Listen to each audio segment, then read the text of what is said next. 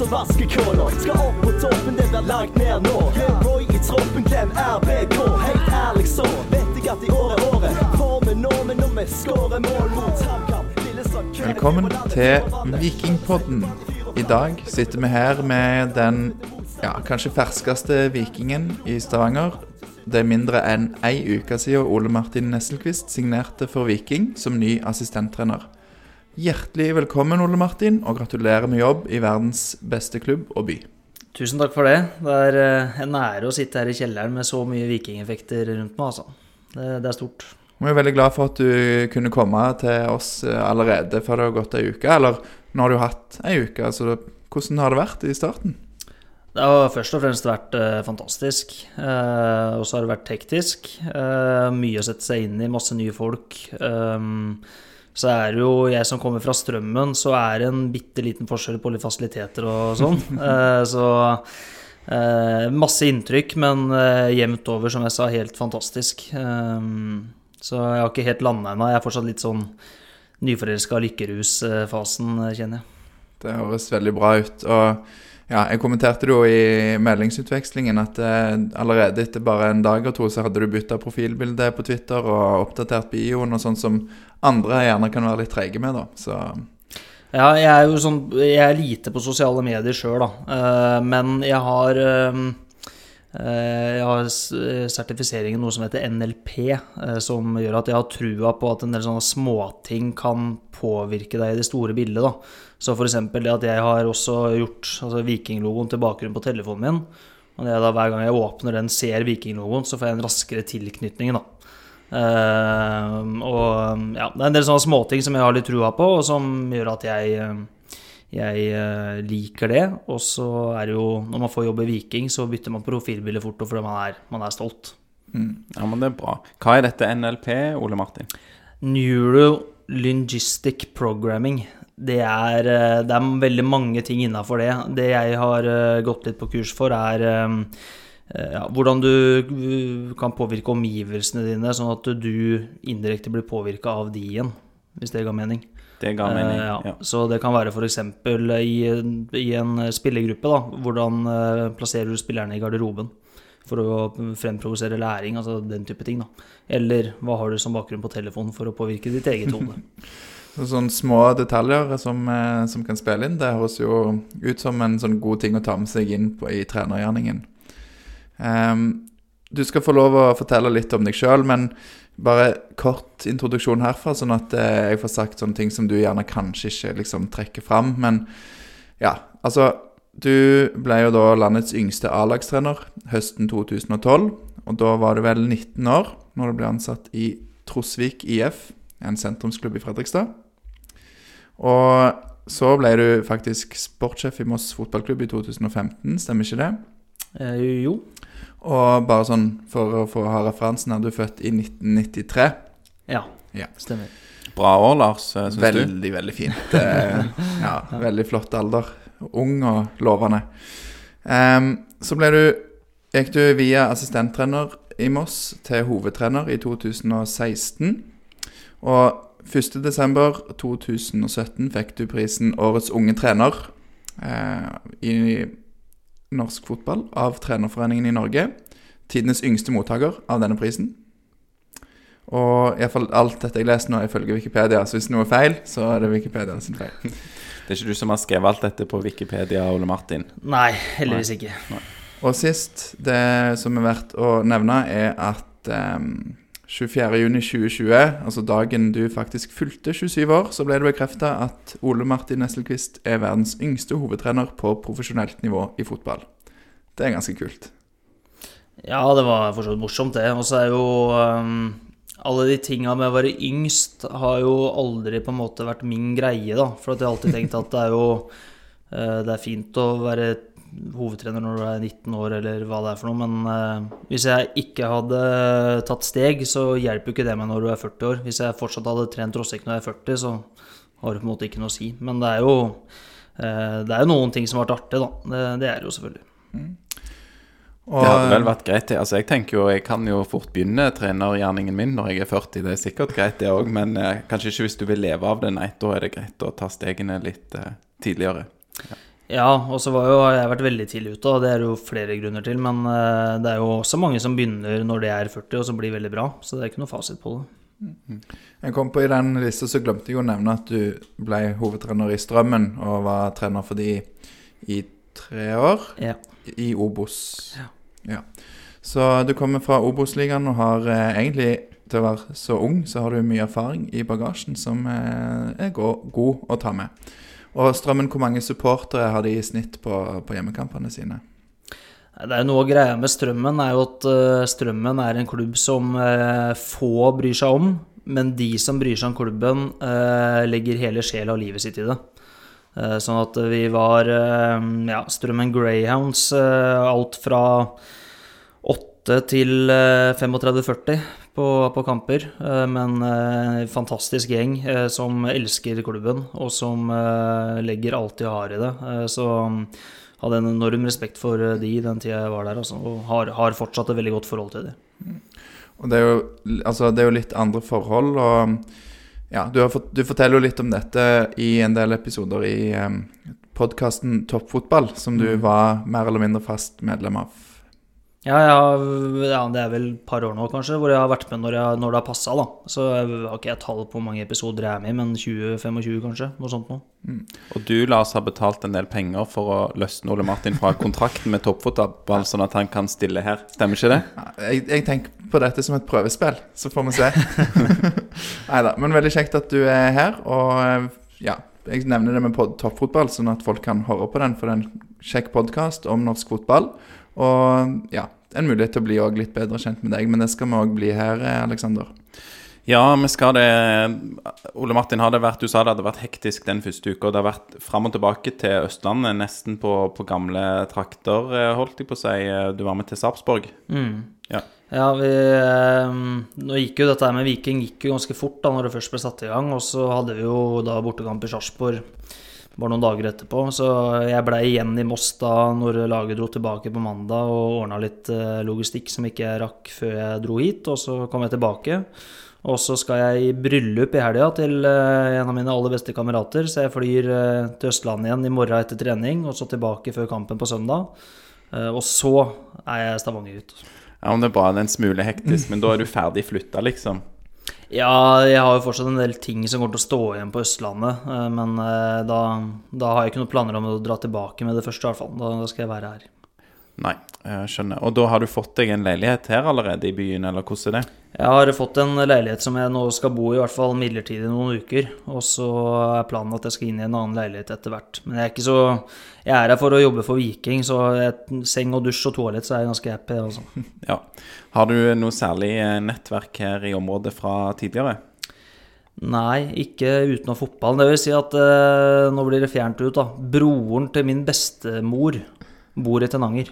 Ok. Ja. Så han har jo ringt, og jeg skal selvfølgelig ut og besøke de når jeg har muligheten til det. Det blir veldig hyggelig. De har ikke jeg sett på, det må være 15 år. Eh, Men utover det så er det bare gjennom fotballen jeg har nettverk her. Ja. Men det skal jo ikke ha litt sånn fjern familie. Det blir sikkert noe helt annet da. En, eh, et lite avbrekk der fra fotballen, kanskje. Eh, Ja. Ute i Tananger. Og han er vikingsupporter, så han er jo meget fornøyd. Ja, men det er bra. Det er godt å høre. Vi beveger oss litt inn på eh, ja, det som kanskje vi skal prate mest om, nemlig fotball og Viking og deg. Gjerne en sånn fin symbiose. Eh, og vi begynner med noen lytterspørsmål som vi har fått. Fra, begynner med Kristoffer Johannessen, som heter Multifuelmann på Twitter. Han lurer på hvem som får gjennombruddet sitt i mørkeblå drakt i år. Oi. ehm, ja, jeg har jo vært på tre treninger, da. Fire treninger. Ehm, jeg syns jo jevnt over at det er veldig mange av de unge som ligger ganske langt framme. Eh, så kan du si Harald fikk vel gjennombruddet sitt i fjor på mange måter, men han syns jeg er veldig spennende.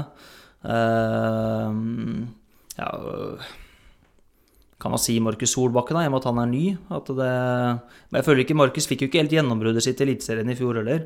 Så at han skal ta gode steg i løpet av året og bli en eh, veldig veldig bra fotballspiller, det, det har jeg stor tro på. Mm.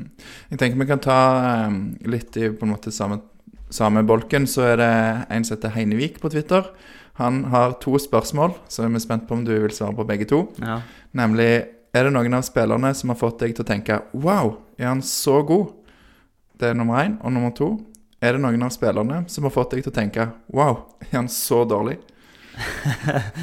Eh, nummer én er det jo noen. Eh, nummer to er det vel ingen, og det jo, svarer jeg jo fordi at det faktisk er sant, da. Eh, så, men på nummer én, så dra fram noen der, da. Det, er jo, jeg synes, jevnt over at det er mange gode fotballspillere her, og det er jo et nivå opp da fra det jeg er vant til. Det er jo ikke å prate ned strømmen, gutta, men det, sånn er det jo bare. Uh, men jeg syns jo altså det å se uh, Veton og Slatko på nært hold uh, David Brekkalo imponerte imponert meg voldsomt. Men det har på en måte egentlig alle sammen gjort. Så for meg nå som kommer fra Strømmen, så er jo litt den der wow-følelsen nesten med alle. Du hadde ikke han der Refvik inne på en spillesekvens og tenkte sånn der Hvem er han spilleren der? Han eh... ja, Det som var artig med Stian, vet du for Stian, vi, jeg, altså jeg og veldig mange andre fra Moss og Strømmen og sånn, som har sett Viking på TV, vi har jo alltid tenkt at Stian er en, er en av trenerne. Og, og fram til jeg gikk på, møtte Morten på kurs nå, så jeg trodd det at han er en av trenerne. Men vi har jo bare kalt den for Feiring og shorts. Så det har vært, det har vært kallenavnet til, til Stian der, der, jeg har vært. Ja. Stian Refvik, materialforvalteren til Viking, kan du bli bedre kjent med i episode 104 av Vikingpodden. Og i tillegg så har vi lagt en YouTube-video der vi fikk følge han i garderoben når han gjør klar til kamp fra sesongen i fjor. Ja, så de som ikke er så ofte på YouTube, de må komme seg på YouTube. Der har du jobba godt med, Lars, det opplegget der. Litt kult å se hvordan man prepper til kamp, da. Alt som går inn i forberedelser av utstyr og GPS og tracking og kleshengere og jeg vet ikke hva. Ja, ja og der, han, er jo, han nevner jo sjøl det med eh, at han er litt sånn overtroisk, og at han må gjøre ting likt. Og det er der denne shortsen kom inn, da. For det, det har gått veldig bra når han har shorts på på kamp. Ja, herlig. En herlig fyr, forresten. Helt nydelig. Ja.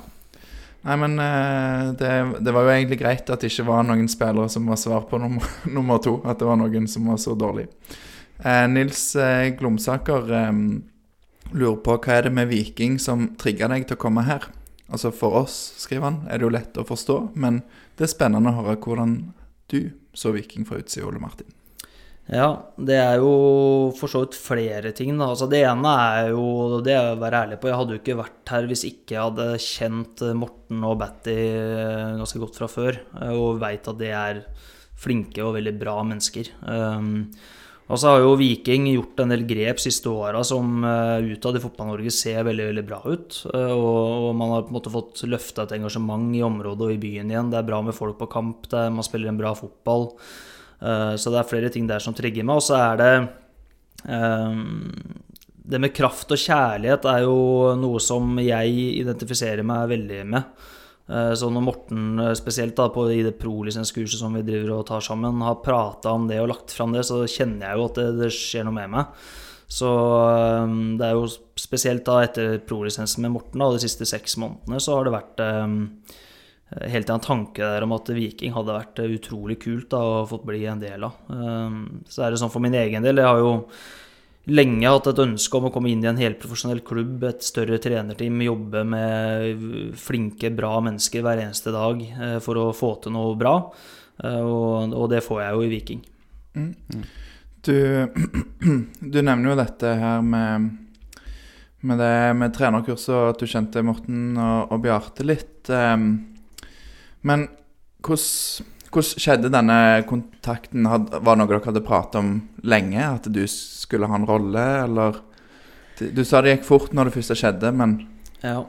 Eh, det er vel eh, Sånn jeg opplever historien, så tror jeg Morten kan godt hende han opplever litt annerledes, men det er nok ikke veldig annerledes. Men vi, Morten og jeg havna på en case sammen i fjor høst på en sånn pro-lisenssamling, hvor vi eh, gruppa vår, da, og Morten og meg og et par andre, skulle trene uh, Skeid 2, faktisk, i en trening, også i en kamp. Uh, og, og, jeg tror både Morten og jeg opplevde der og da at det fungerte veldig godt.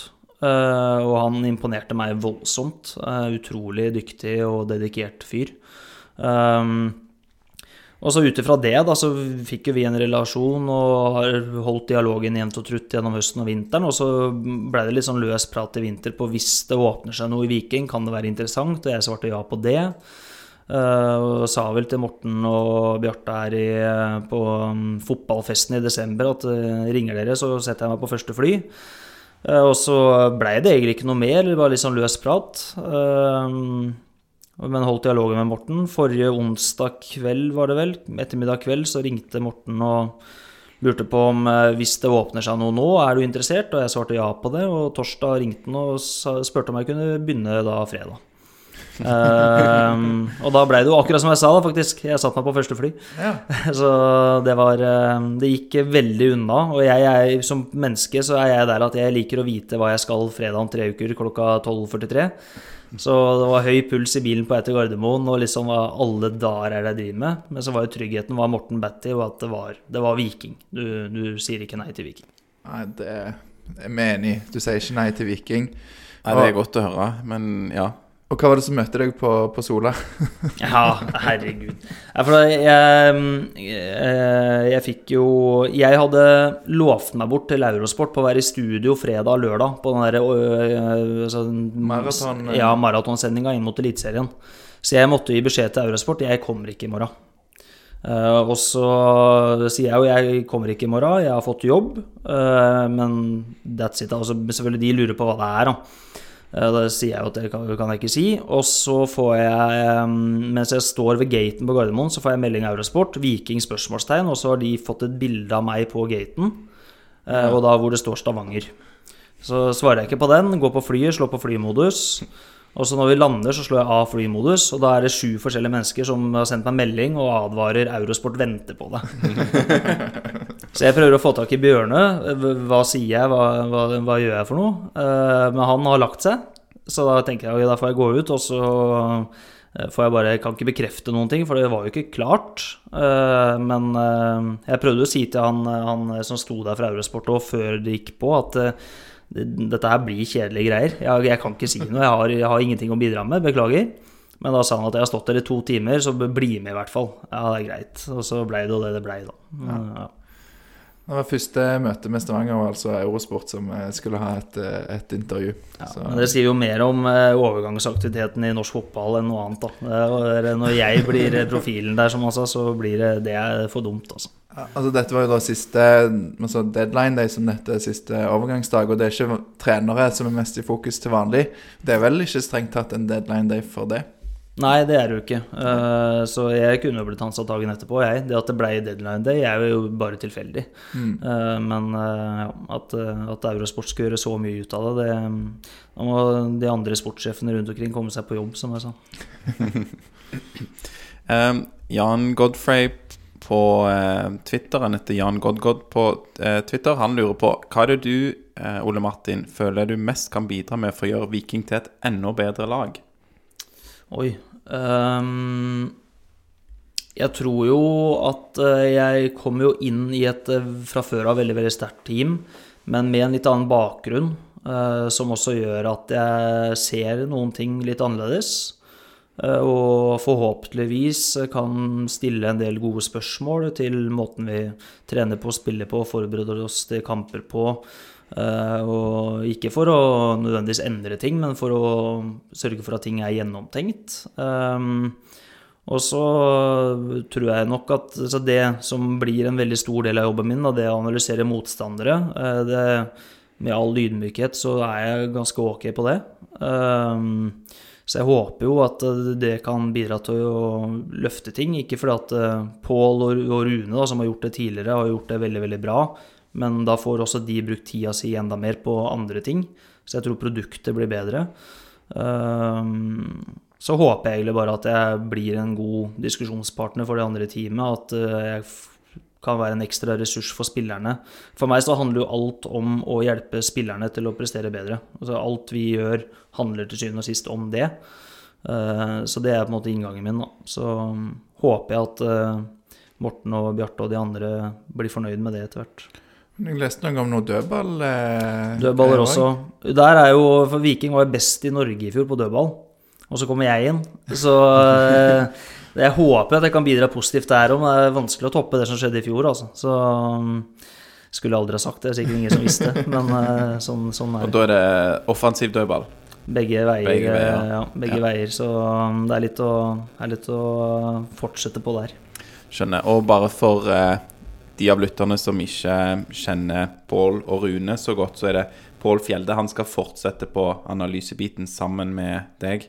Ja, Pål og jeg er likestilte assistenter, akkurat som Morten og Betty er eh, likestilte hovedtrenere. Så arbeidsfordelinga der er at jeg har hovedansvaret da for motstanderanalysen, forberedelser til kamp, inngang til kamp. Pål har hovedansvaret for analyse av det vi gjør. Eh, Kampen, spilleprestasjoner, spillestil, altså den type ting. Eh, og så er begge to uh, på en måte medtrenere og assistenttrenere på felt og bistår der. Og så, uh, det vil jo være Pål og jeg har jo allerede noen uker her jobba ekstremt tett sammen. Så vår oppgave blir jo da på en måte å analysere eh, hver våre ting, flette det sammen inn i noe som vi som team da kan bruke til å gjøre Viking bedre. Eh, og det tror jeg er eh, Det er jo en litt annerledes måte å gjøre ting på, men det er jo en modell i hvert fall jeg da, har veldig, veldig trua på. Og jeg har inntrykk av etter en uke at det er veldig sånn sterkt teamarbeid som er i fokus i Viking. Hvor selvfølgelig Betty og Morten er sjefene, men de, de også er veldig flinke til å bruke det som er rundt de. da. Så Pål og jeg skal jobbe likestilt, men ha ansvar for hver våre ting, og så skal vi spille hverandre gode. Mm. Og Rune Repvik skal få fokusere på akademiet. Ja, Rune er akkurat hva som blir Rune sin rolle, skal ikke jeg sitte her og si. Men Rune er toppspillerutvikler og er jo nå med i vår treningshverdag også, men fokuserer litt ekstra på de unge gutta. Men eh, Rune kjente jeg litt til fra før, han trente jo Alta tidligere. Um, og Rune også er jo en kjemperessurs inn i, inn i teamet, og sitter jo på kontoret med oss og bidrar ekstremt mye med, med kompetanse inn mot A-lag. Så um, jeg syns det er et veldig, veldig sterkt team. team. Det er bra. Et annet lytterspørsmål kommer fra Vemlos på Twitter. Han lurer på hvem fra tidligere klubber vil du anbefale at vi signerer? Det det er ingen fra Trossvik, i hvert fall. Du, du bruker elimineringsmetoden ja, her. Ja. jeg gjør det. jeg gjør det. Nei, jeg må vel Det er nok som per- nå så er det ingen som er gode nok for Viking. Uh, det igjen, da. Spillergruppa i Strømmen er jeg og var jeg utrolig glad i, men eh, det er liksom det ærlige svaret. Men det er nok noen av de jeg har hatt i Strømmen, av de unge, som kan bli det.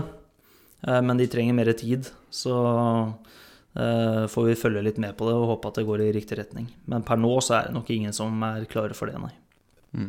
Nei, men Det er jo et uh, svar, det òg. For det kunne jo vært sånn der Det kan jeg dessverre ikke si. Uh, og det ville jo vært òg et svar, på en måte, hvis du skjønner. Da Ja. kan du ikke nevne det, fordi at uh, ja, da kan det være med å liksom få booste markedsverdien når man må holde sine mål skjult og sånne ting. Nå hadde Jensen og Årsheim her hos oss, så ville jo ikke si noen navn på hvem de var interessert i, for da ville. Andre fanger de opp. Og, Ja, ja. ja. Men her Det sier du at sånn. ja, det ligger litt lenger fram i tid for noen av de unge, eventuelt. Hvis det Ja, det, det tror jeg. Og så er jo øh, forskjellen på topp eliteserie og bunn Obos er stor. Du, du kan jo i en kamp da, ikke sant, i cup og sånn slå ut lag, men over en sesong så er den forskjellen stor. Um, og det tror jeg bare er å være ærlige, ærlige på.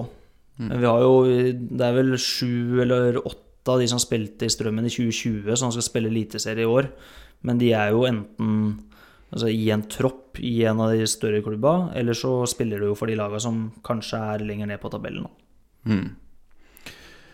Eh, Et helt annet spørsmål som handler mer om treningsfeltet. Det kommer fra Emilio Sanuesa på Twitter. Han sier skryt gjerne av den feteste treningsøvelsen du har kommet på, og hvorfor var den så fet? Oi. Nå er jo Jeg stjeler jo for det meste, da. Jeg finner ikke på så mye nødvendigvis. Uh, men uh, feteste Hva er det, Kommer du på noe fett du har stjålet, da, som er litt sånn åh, det måtte vi bare kjøre, og ja. Det er en eh, ja, Ta det første jeg kommer på. Da, så er det, det er en liksom kul sånn der overgangsøvelse fra Tyskland som er sånn der, eh, skikkelig sånn kamikaze-press eh, kontre løp alt du har eh, i 100 meter fram, og så løper du alt du har 100 meter tilbake. Eh, Den er litt morsom. Det er, du kan variere antall, da, men du har, du har jo da gjerne tre-fire spillere da, som skal kontre mot to eller tre som skal forsvare, og så starter du da veldig langt inne på din egen halvdel, setter i gang en ball, kontrer ene veien, og så snur du, og så skal det andre laget kontre tilbake. Da. Så det er en veldig sånn enkel og klassisk øvelse. Men som regel når du kjører den, så har du den på 40 ganger 28 meter, sånn roughly, da, hvis det er fire mot tre. Men hvis du kjører den på hele banen, så er jo den, eh, den er, eh, Hvis fet er et begrep, så er den vel kanskje fet, da. Høres eh, slitsomt ut, men eh, spillerne syns òg det er gøy. Det har vært, en del spillere har likt den, og så er det noen som har hatt den. Det, men det er ikke en øvelse jeg har kjørt mye siste året. Det er ganske lenge siden jeg kjørte den. For det er jo Etter hvert som jeg har blitt bedre òg, så har man jo lært mer og mer om fysiologi, og at det kanskje ikke er det smarteste å kjøre den øvelsen der.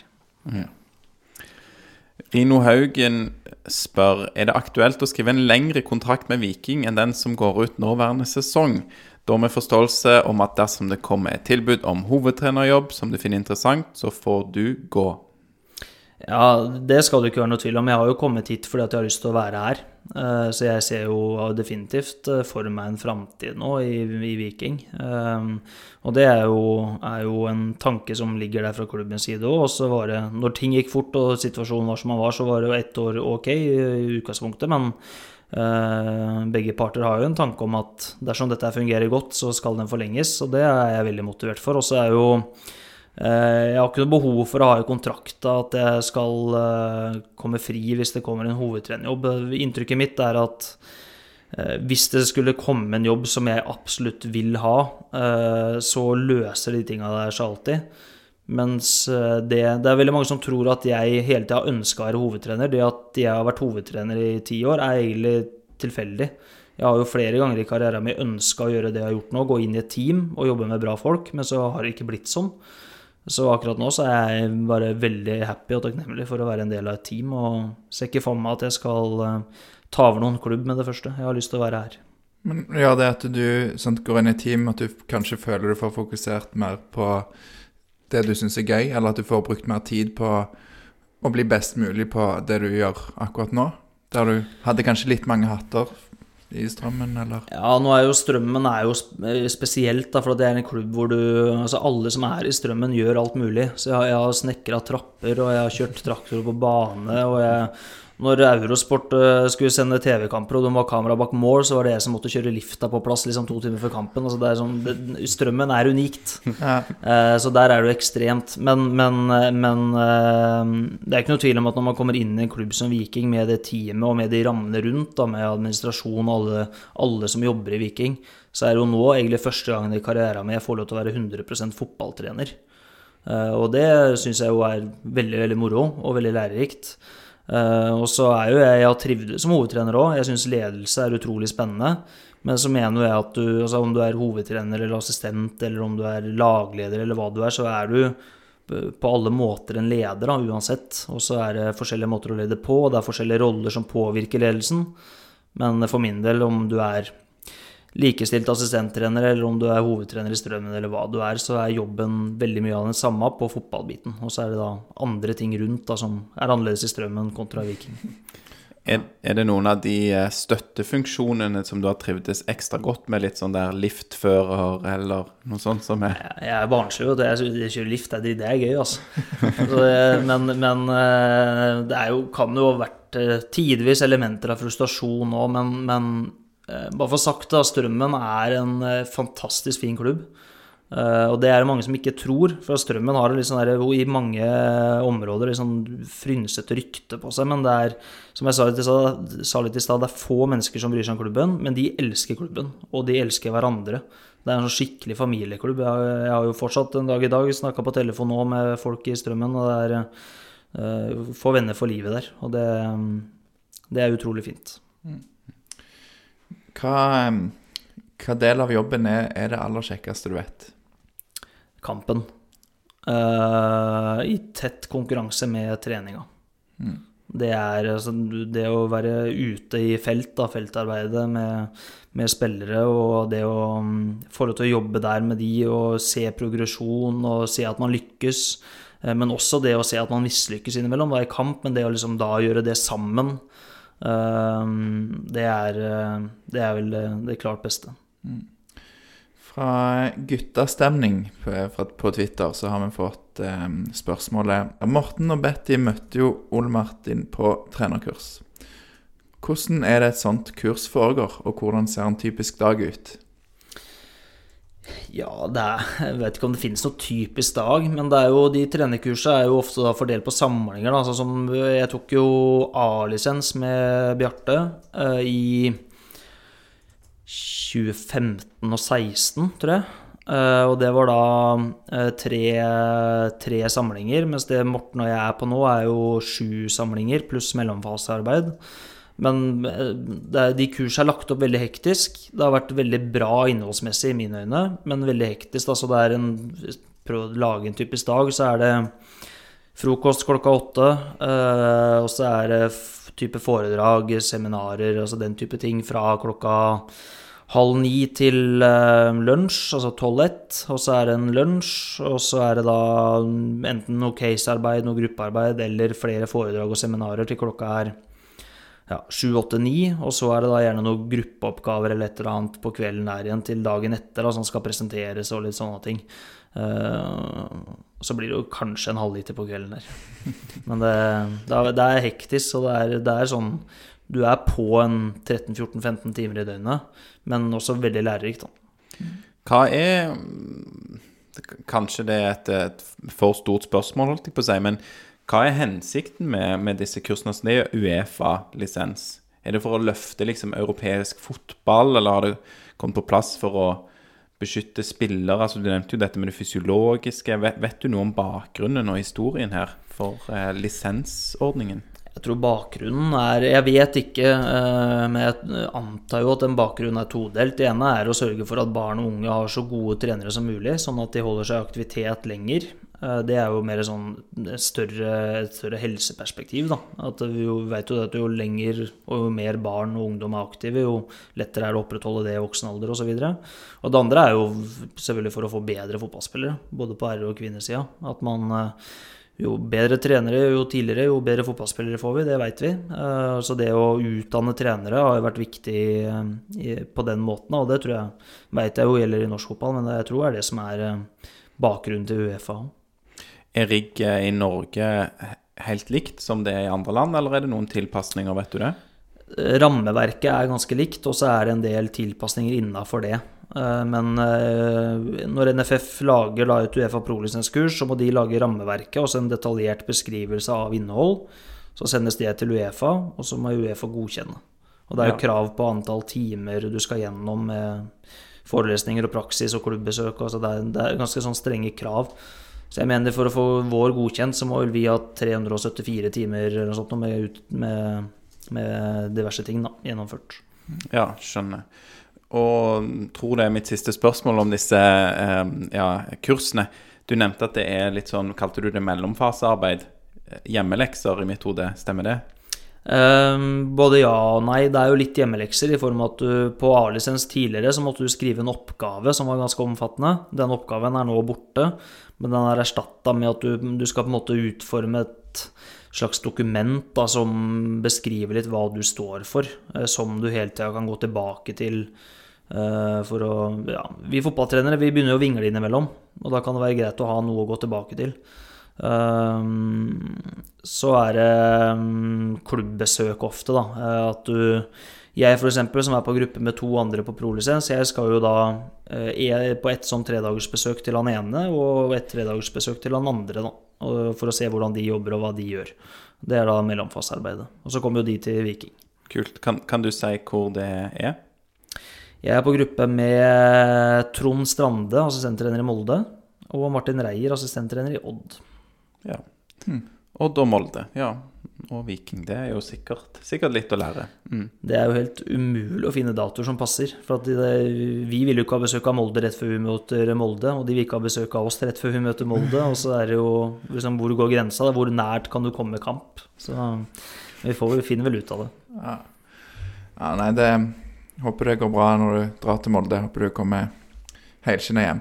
Um, men du lærer jo masse på disse kursene, og et spørsmål som jeg egentlig hadde fått og forberedt til Morten og Bjarte, men som vi måtte kutte pga. tid, det er en ting som vi har fått en anonym innsender som er litt nysgjerrig på det med unlearning. Altså eh, hva myter eller vedtatte sannheter har du trodd var bra coaching, men som du har måttet vende deg av med, og, eller se med nye øyne? Ja, det er eh, Det er jo mye fysiologisk, da. Eh, 17-13-intervaller, som jeg veldig mange år trodde var helt strålende for fotballspillere. Som ikke er direkte feil, men som er veldig langt fra best. Det er bare kjapt. 17-13. 17, eh, du, du løper alt du har i 17 sekunder, og så går du i 13 sekunder. Og så løper du igjen. Altså 17-13, da. Og så i vanlig det er ti løp, da. Ti ganger 17 sekunder. Og så har du ett minutt pause, og så kjører du en ny runde. Det er jo strålende mosjonisttrening. Altså, du blir veldig godt trent av å gjøre det. Det er jo fryktelig tungt. Eh, Men det er jo ikke veldig bra for fotballspillere, har man jo lært etter hvert. Eh, Så er det jo ting som ja, kommer litt inn, inn under min identitet igjen. For det er jo f.eks. det å trene mye uten retning, da, type possession med ja, en firkant hvor du bare skal ha ballen i laget. Det er jo veldig mange som gjør mye av. Uh, kan godt gjøre litt, men det har jeg blitt mindre og mindre glad i. For at det er jo altså en vesentlig del av fotball er jo at du har et mål du skal angripe, og et mål du skal forsvare. Og da å trene uten retning har jeg blitt mindre og mindre glad i. Så det er en del sånne ting som man lærer underveis. Og så tror jeg det, I hvert fall inntrykket mitt er sånn at i fotball så er det altså jo, jo mer du kan, jo mer skjønner du også at du ikke kan noen ting. Så det er jo når vi altså Når Morten og jeg er i England på pro-samling sist da, og ser Liverpool Inter på Anfield, og du ser det nivået som er på den fotballkampen der, så skjønner du at eh, det er fortsatt litt å jobbe med. Det er et navn, det er ikke det Dunning-Krüger-effekten eller noe sånt? At eh, jo, mer- jo mer du lærer, jo mer vet du at du ikke kan? Ja, det er helt sikkert eh, Jeg har ikke funnet det på, nei. Det er Nei. bare en godt, godt ordtak. Jo, men, eh, men det er jo noe i det. Og så, så liksom, sant du Nå er du viking, og det jeg lurer på, er Har du Du sa kanskje noe om det, men var det liksom full klaff mellom deg og Morten? Dere ser ting på samme måte? Og, eh, eller er det ting som er veldig forskjellig i måten du ser fotball på? Eller, eller filosofi, eller Ja. Eh, Morten og jeg er veldig enige i det grunnleggende, som jeg tror er viktig. Eh, og så har det jo vist seg at det er Pål og Batty òg, selvfølgelig. Og så har alle vi fire litt ulike syn på detaljer, som jeg tror også er veldig viktig. For hvis alle hadde vært enige hele tida, så hadde det blitt flatt.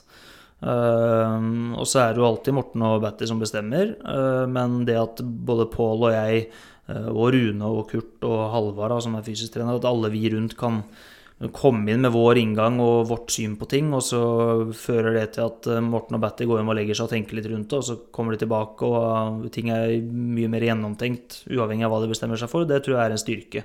Så det opplever jeg vel er, er Det opplevde jeg med Morten tidligere på pro òg, at vi er veldig enige i masse grunnleggende, og så kan vi være litt uenige om detaljer, men det tenker jeg bare er bra. Mm, absolutt. Og eh, ja, en annen ting vi snakket litt om eh, på, når vi hadde Morten og Bjarte på fredag her, var eh, XG. Hva, eh, hva syns du om XG? Er det noe du Du må forklare en gang til. Lars. Expected goals, forventede mål. Så eh, hvis man har et eh, skudd f.eks. i en kamp som en spiller løsner, så kan noen sitte og regne litt på det, da. Hva er forventa mål eh, på det skuddet? Altså er det 40% sjanse for at det går inn, så sier man 0,4 XG. Sa jeg det riktig, Ole Martin? Ja, Ja. det stemmer. Så det er jeg, Jeg ser jo alltid på expected goals etter kamper. Eh, kan bruke det som en indikasjon, men er ikke sånn spesielt opptatt av det. For det skjer jo hele tida at det kommer en sjanse som jeg tenker wow, den var svær. Og så er det ja, 0,0001 på expected goals. Så det er jo eh, det, det er ikke alltid jeg forstår helt hvordan det fungerer, men det gir jo ofte en indikasjon. altså så Nå mot Sarpsborg 08 så har vel Sarpsborg har vel 0,7, tror jeg, expected goals eller noe sånt. Vi har 2,3 eller 4. Og da er det på en måte en bekreftelse på at okay, er, vi vinner skudd, vi vinner skudd på mål, vi vinner expected goals. Dette var fortjent seier. Eh, Vi har jo noen svære sjanser tidlig i kampen der som vi bør eh, sette også, så du kan bruke det som en bekreftelse på det, men hvis det på en måte står eh, vi har eh, 2,3 og så har motstanderen 2,2, så legger ikke jeg noe i det, i hvert fall. Og mot Sarpsborg så var vel målet til Slatko var vel ganske tett opp mot én, hvis jeg husker riktig, for det var jo en avslutning fra vet ikke, halvmeter maks. Ja, Ja, ja, han er Mm, foran eh, siste forsvarsspiller, og keeper er en meter, halvannen vekk. eh, ja, Så sånne alt ting sånn spiller inn, inn. Ja. Ja, den er svær. Men så har du jo Da hadde vi et par av med Strømmen hvor vi slår et sånt type innlegg langs bakken, og så bombes det på ballen. På åpent mål fra en halv meter. Og da er det jo null i expected goals fordi du ikke treffer ballen, men sjansen er jo tålelig svær, vil jeg si. Så det, det er jo en del sånne, sånne ting òg. Ja. Men hva syns du best av disse to scenarioene, da, Ole Martin? Eh, at Viking får én sjanse med 0,5 i XG, eller fem sjanser med 0,1 i XG? Fem sjanser med 0,1. Mm.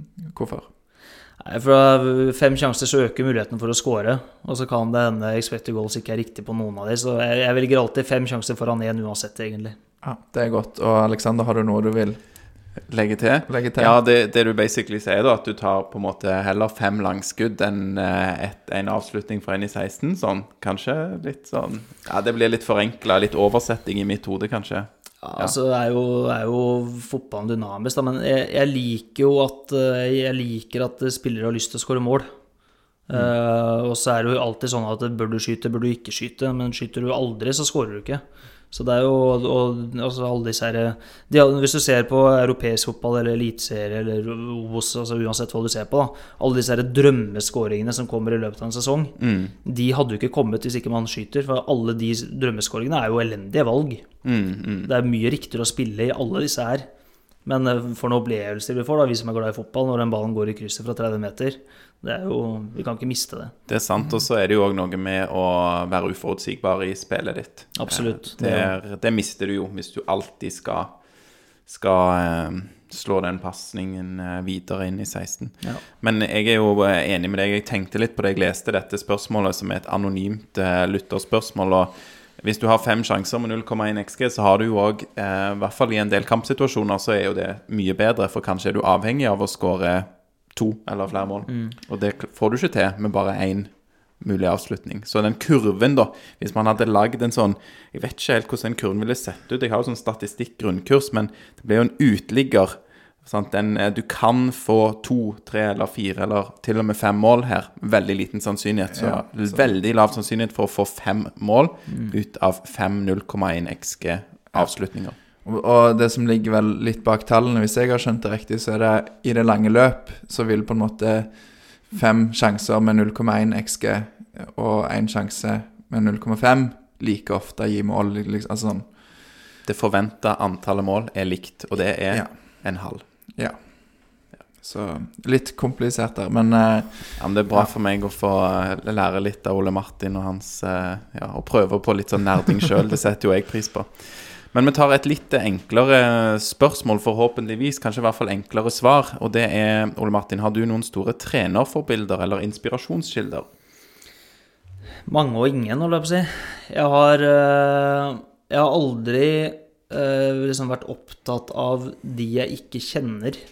Sånn som eh, der hvor mange svarer Guardiola og Klopp og Ferguson og de, så er jo det åpenbart veldig gode trenere, men jeg aner jo ikke hva de driver med. Altså Jeg ser pressekonferanser og jeg ser kamper, og så kan du se et YouTube-klipp fra en trening, men hva de faktisk gjør, det er umulig å si hvis ikke du er på innsida. Så derfor så har jeg aldri liksom tenkt at det er noe jeg eh, bruker som forbilder. Så da er det mer eh, egentlig norske trenere. Altså ja, Morten og Batty. Uh, uh, Paul blir jo det nå, ikke sant. Og jeg har tidligere hatt, uh, vært tett på Ronny Deila en god periode i Godset. Utrolig lærerikt.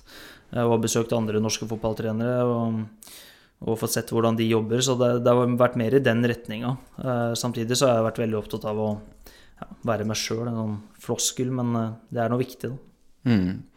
Ja, men det er klart det. Og da har du dette dokumentet å falle tilbake på som viser hvem du sjøl er, eller der du har definert det. Er det ikke det du skal skrive nå, eller har du gjort det? Jeg, jeg var arbeidsledig i tre måneder, så det dokumentet er eh, velprodusert akkurat nå. Men så går det jo ja, Bare den uka jeg har vært i Viking nå, da, så har jeg lært masse nytt, så jeg må inn og redigere sikkert halvparten av det. Ja, men det er bra. Dynamisk, men samtidig noe å falle tilbake på. Og det er sikkert bra for trenere som for andre at liksom alt er ikke i spill i livet. Man har noen ting å falle tilbake på. Noe som er høres- definert. høres ut som det er god klaff med det et ord som jeg vet at Morten og Bjarte er veldig glad i, nemlig utvikling. At du er opptatt av det sjøl, og hele veien, bare på den uka, så er det ting du ser sjøl. Så det Ja. høres veldig bra ut. Ja, det er bra.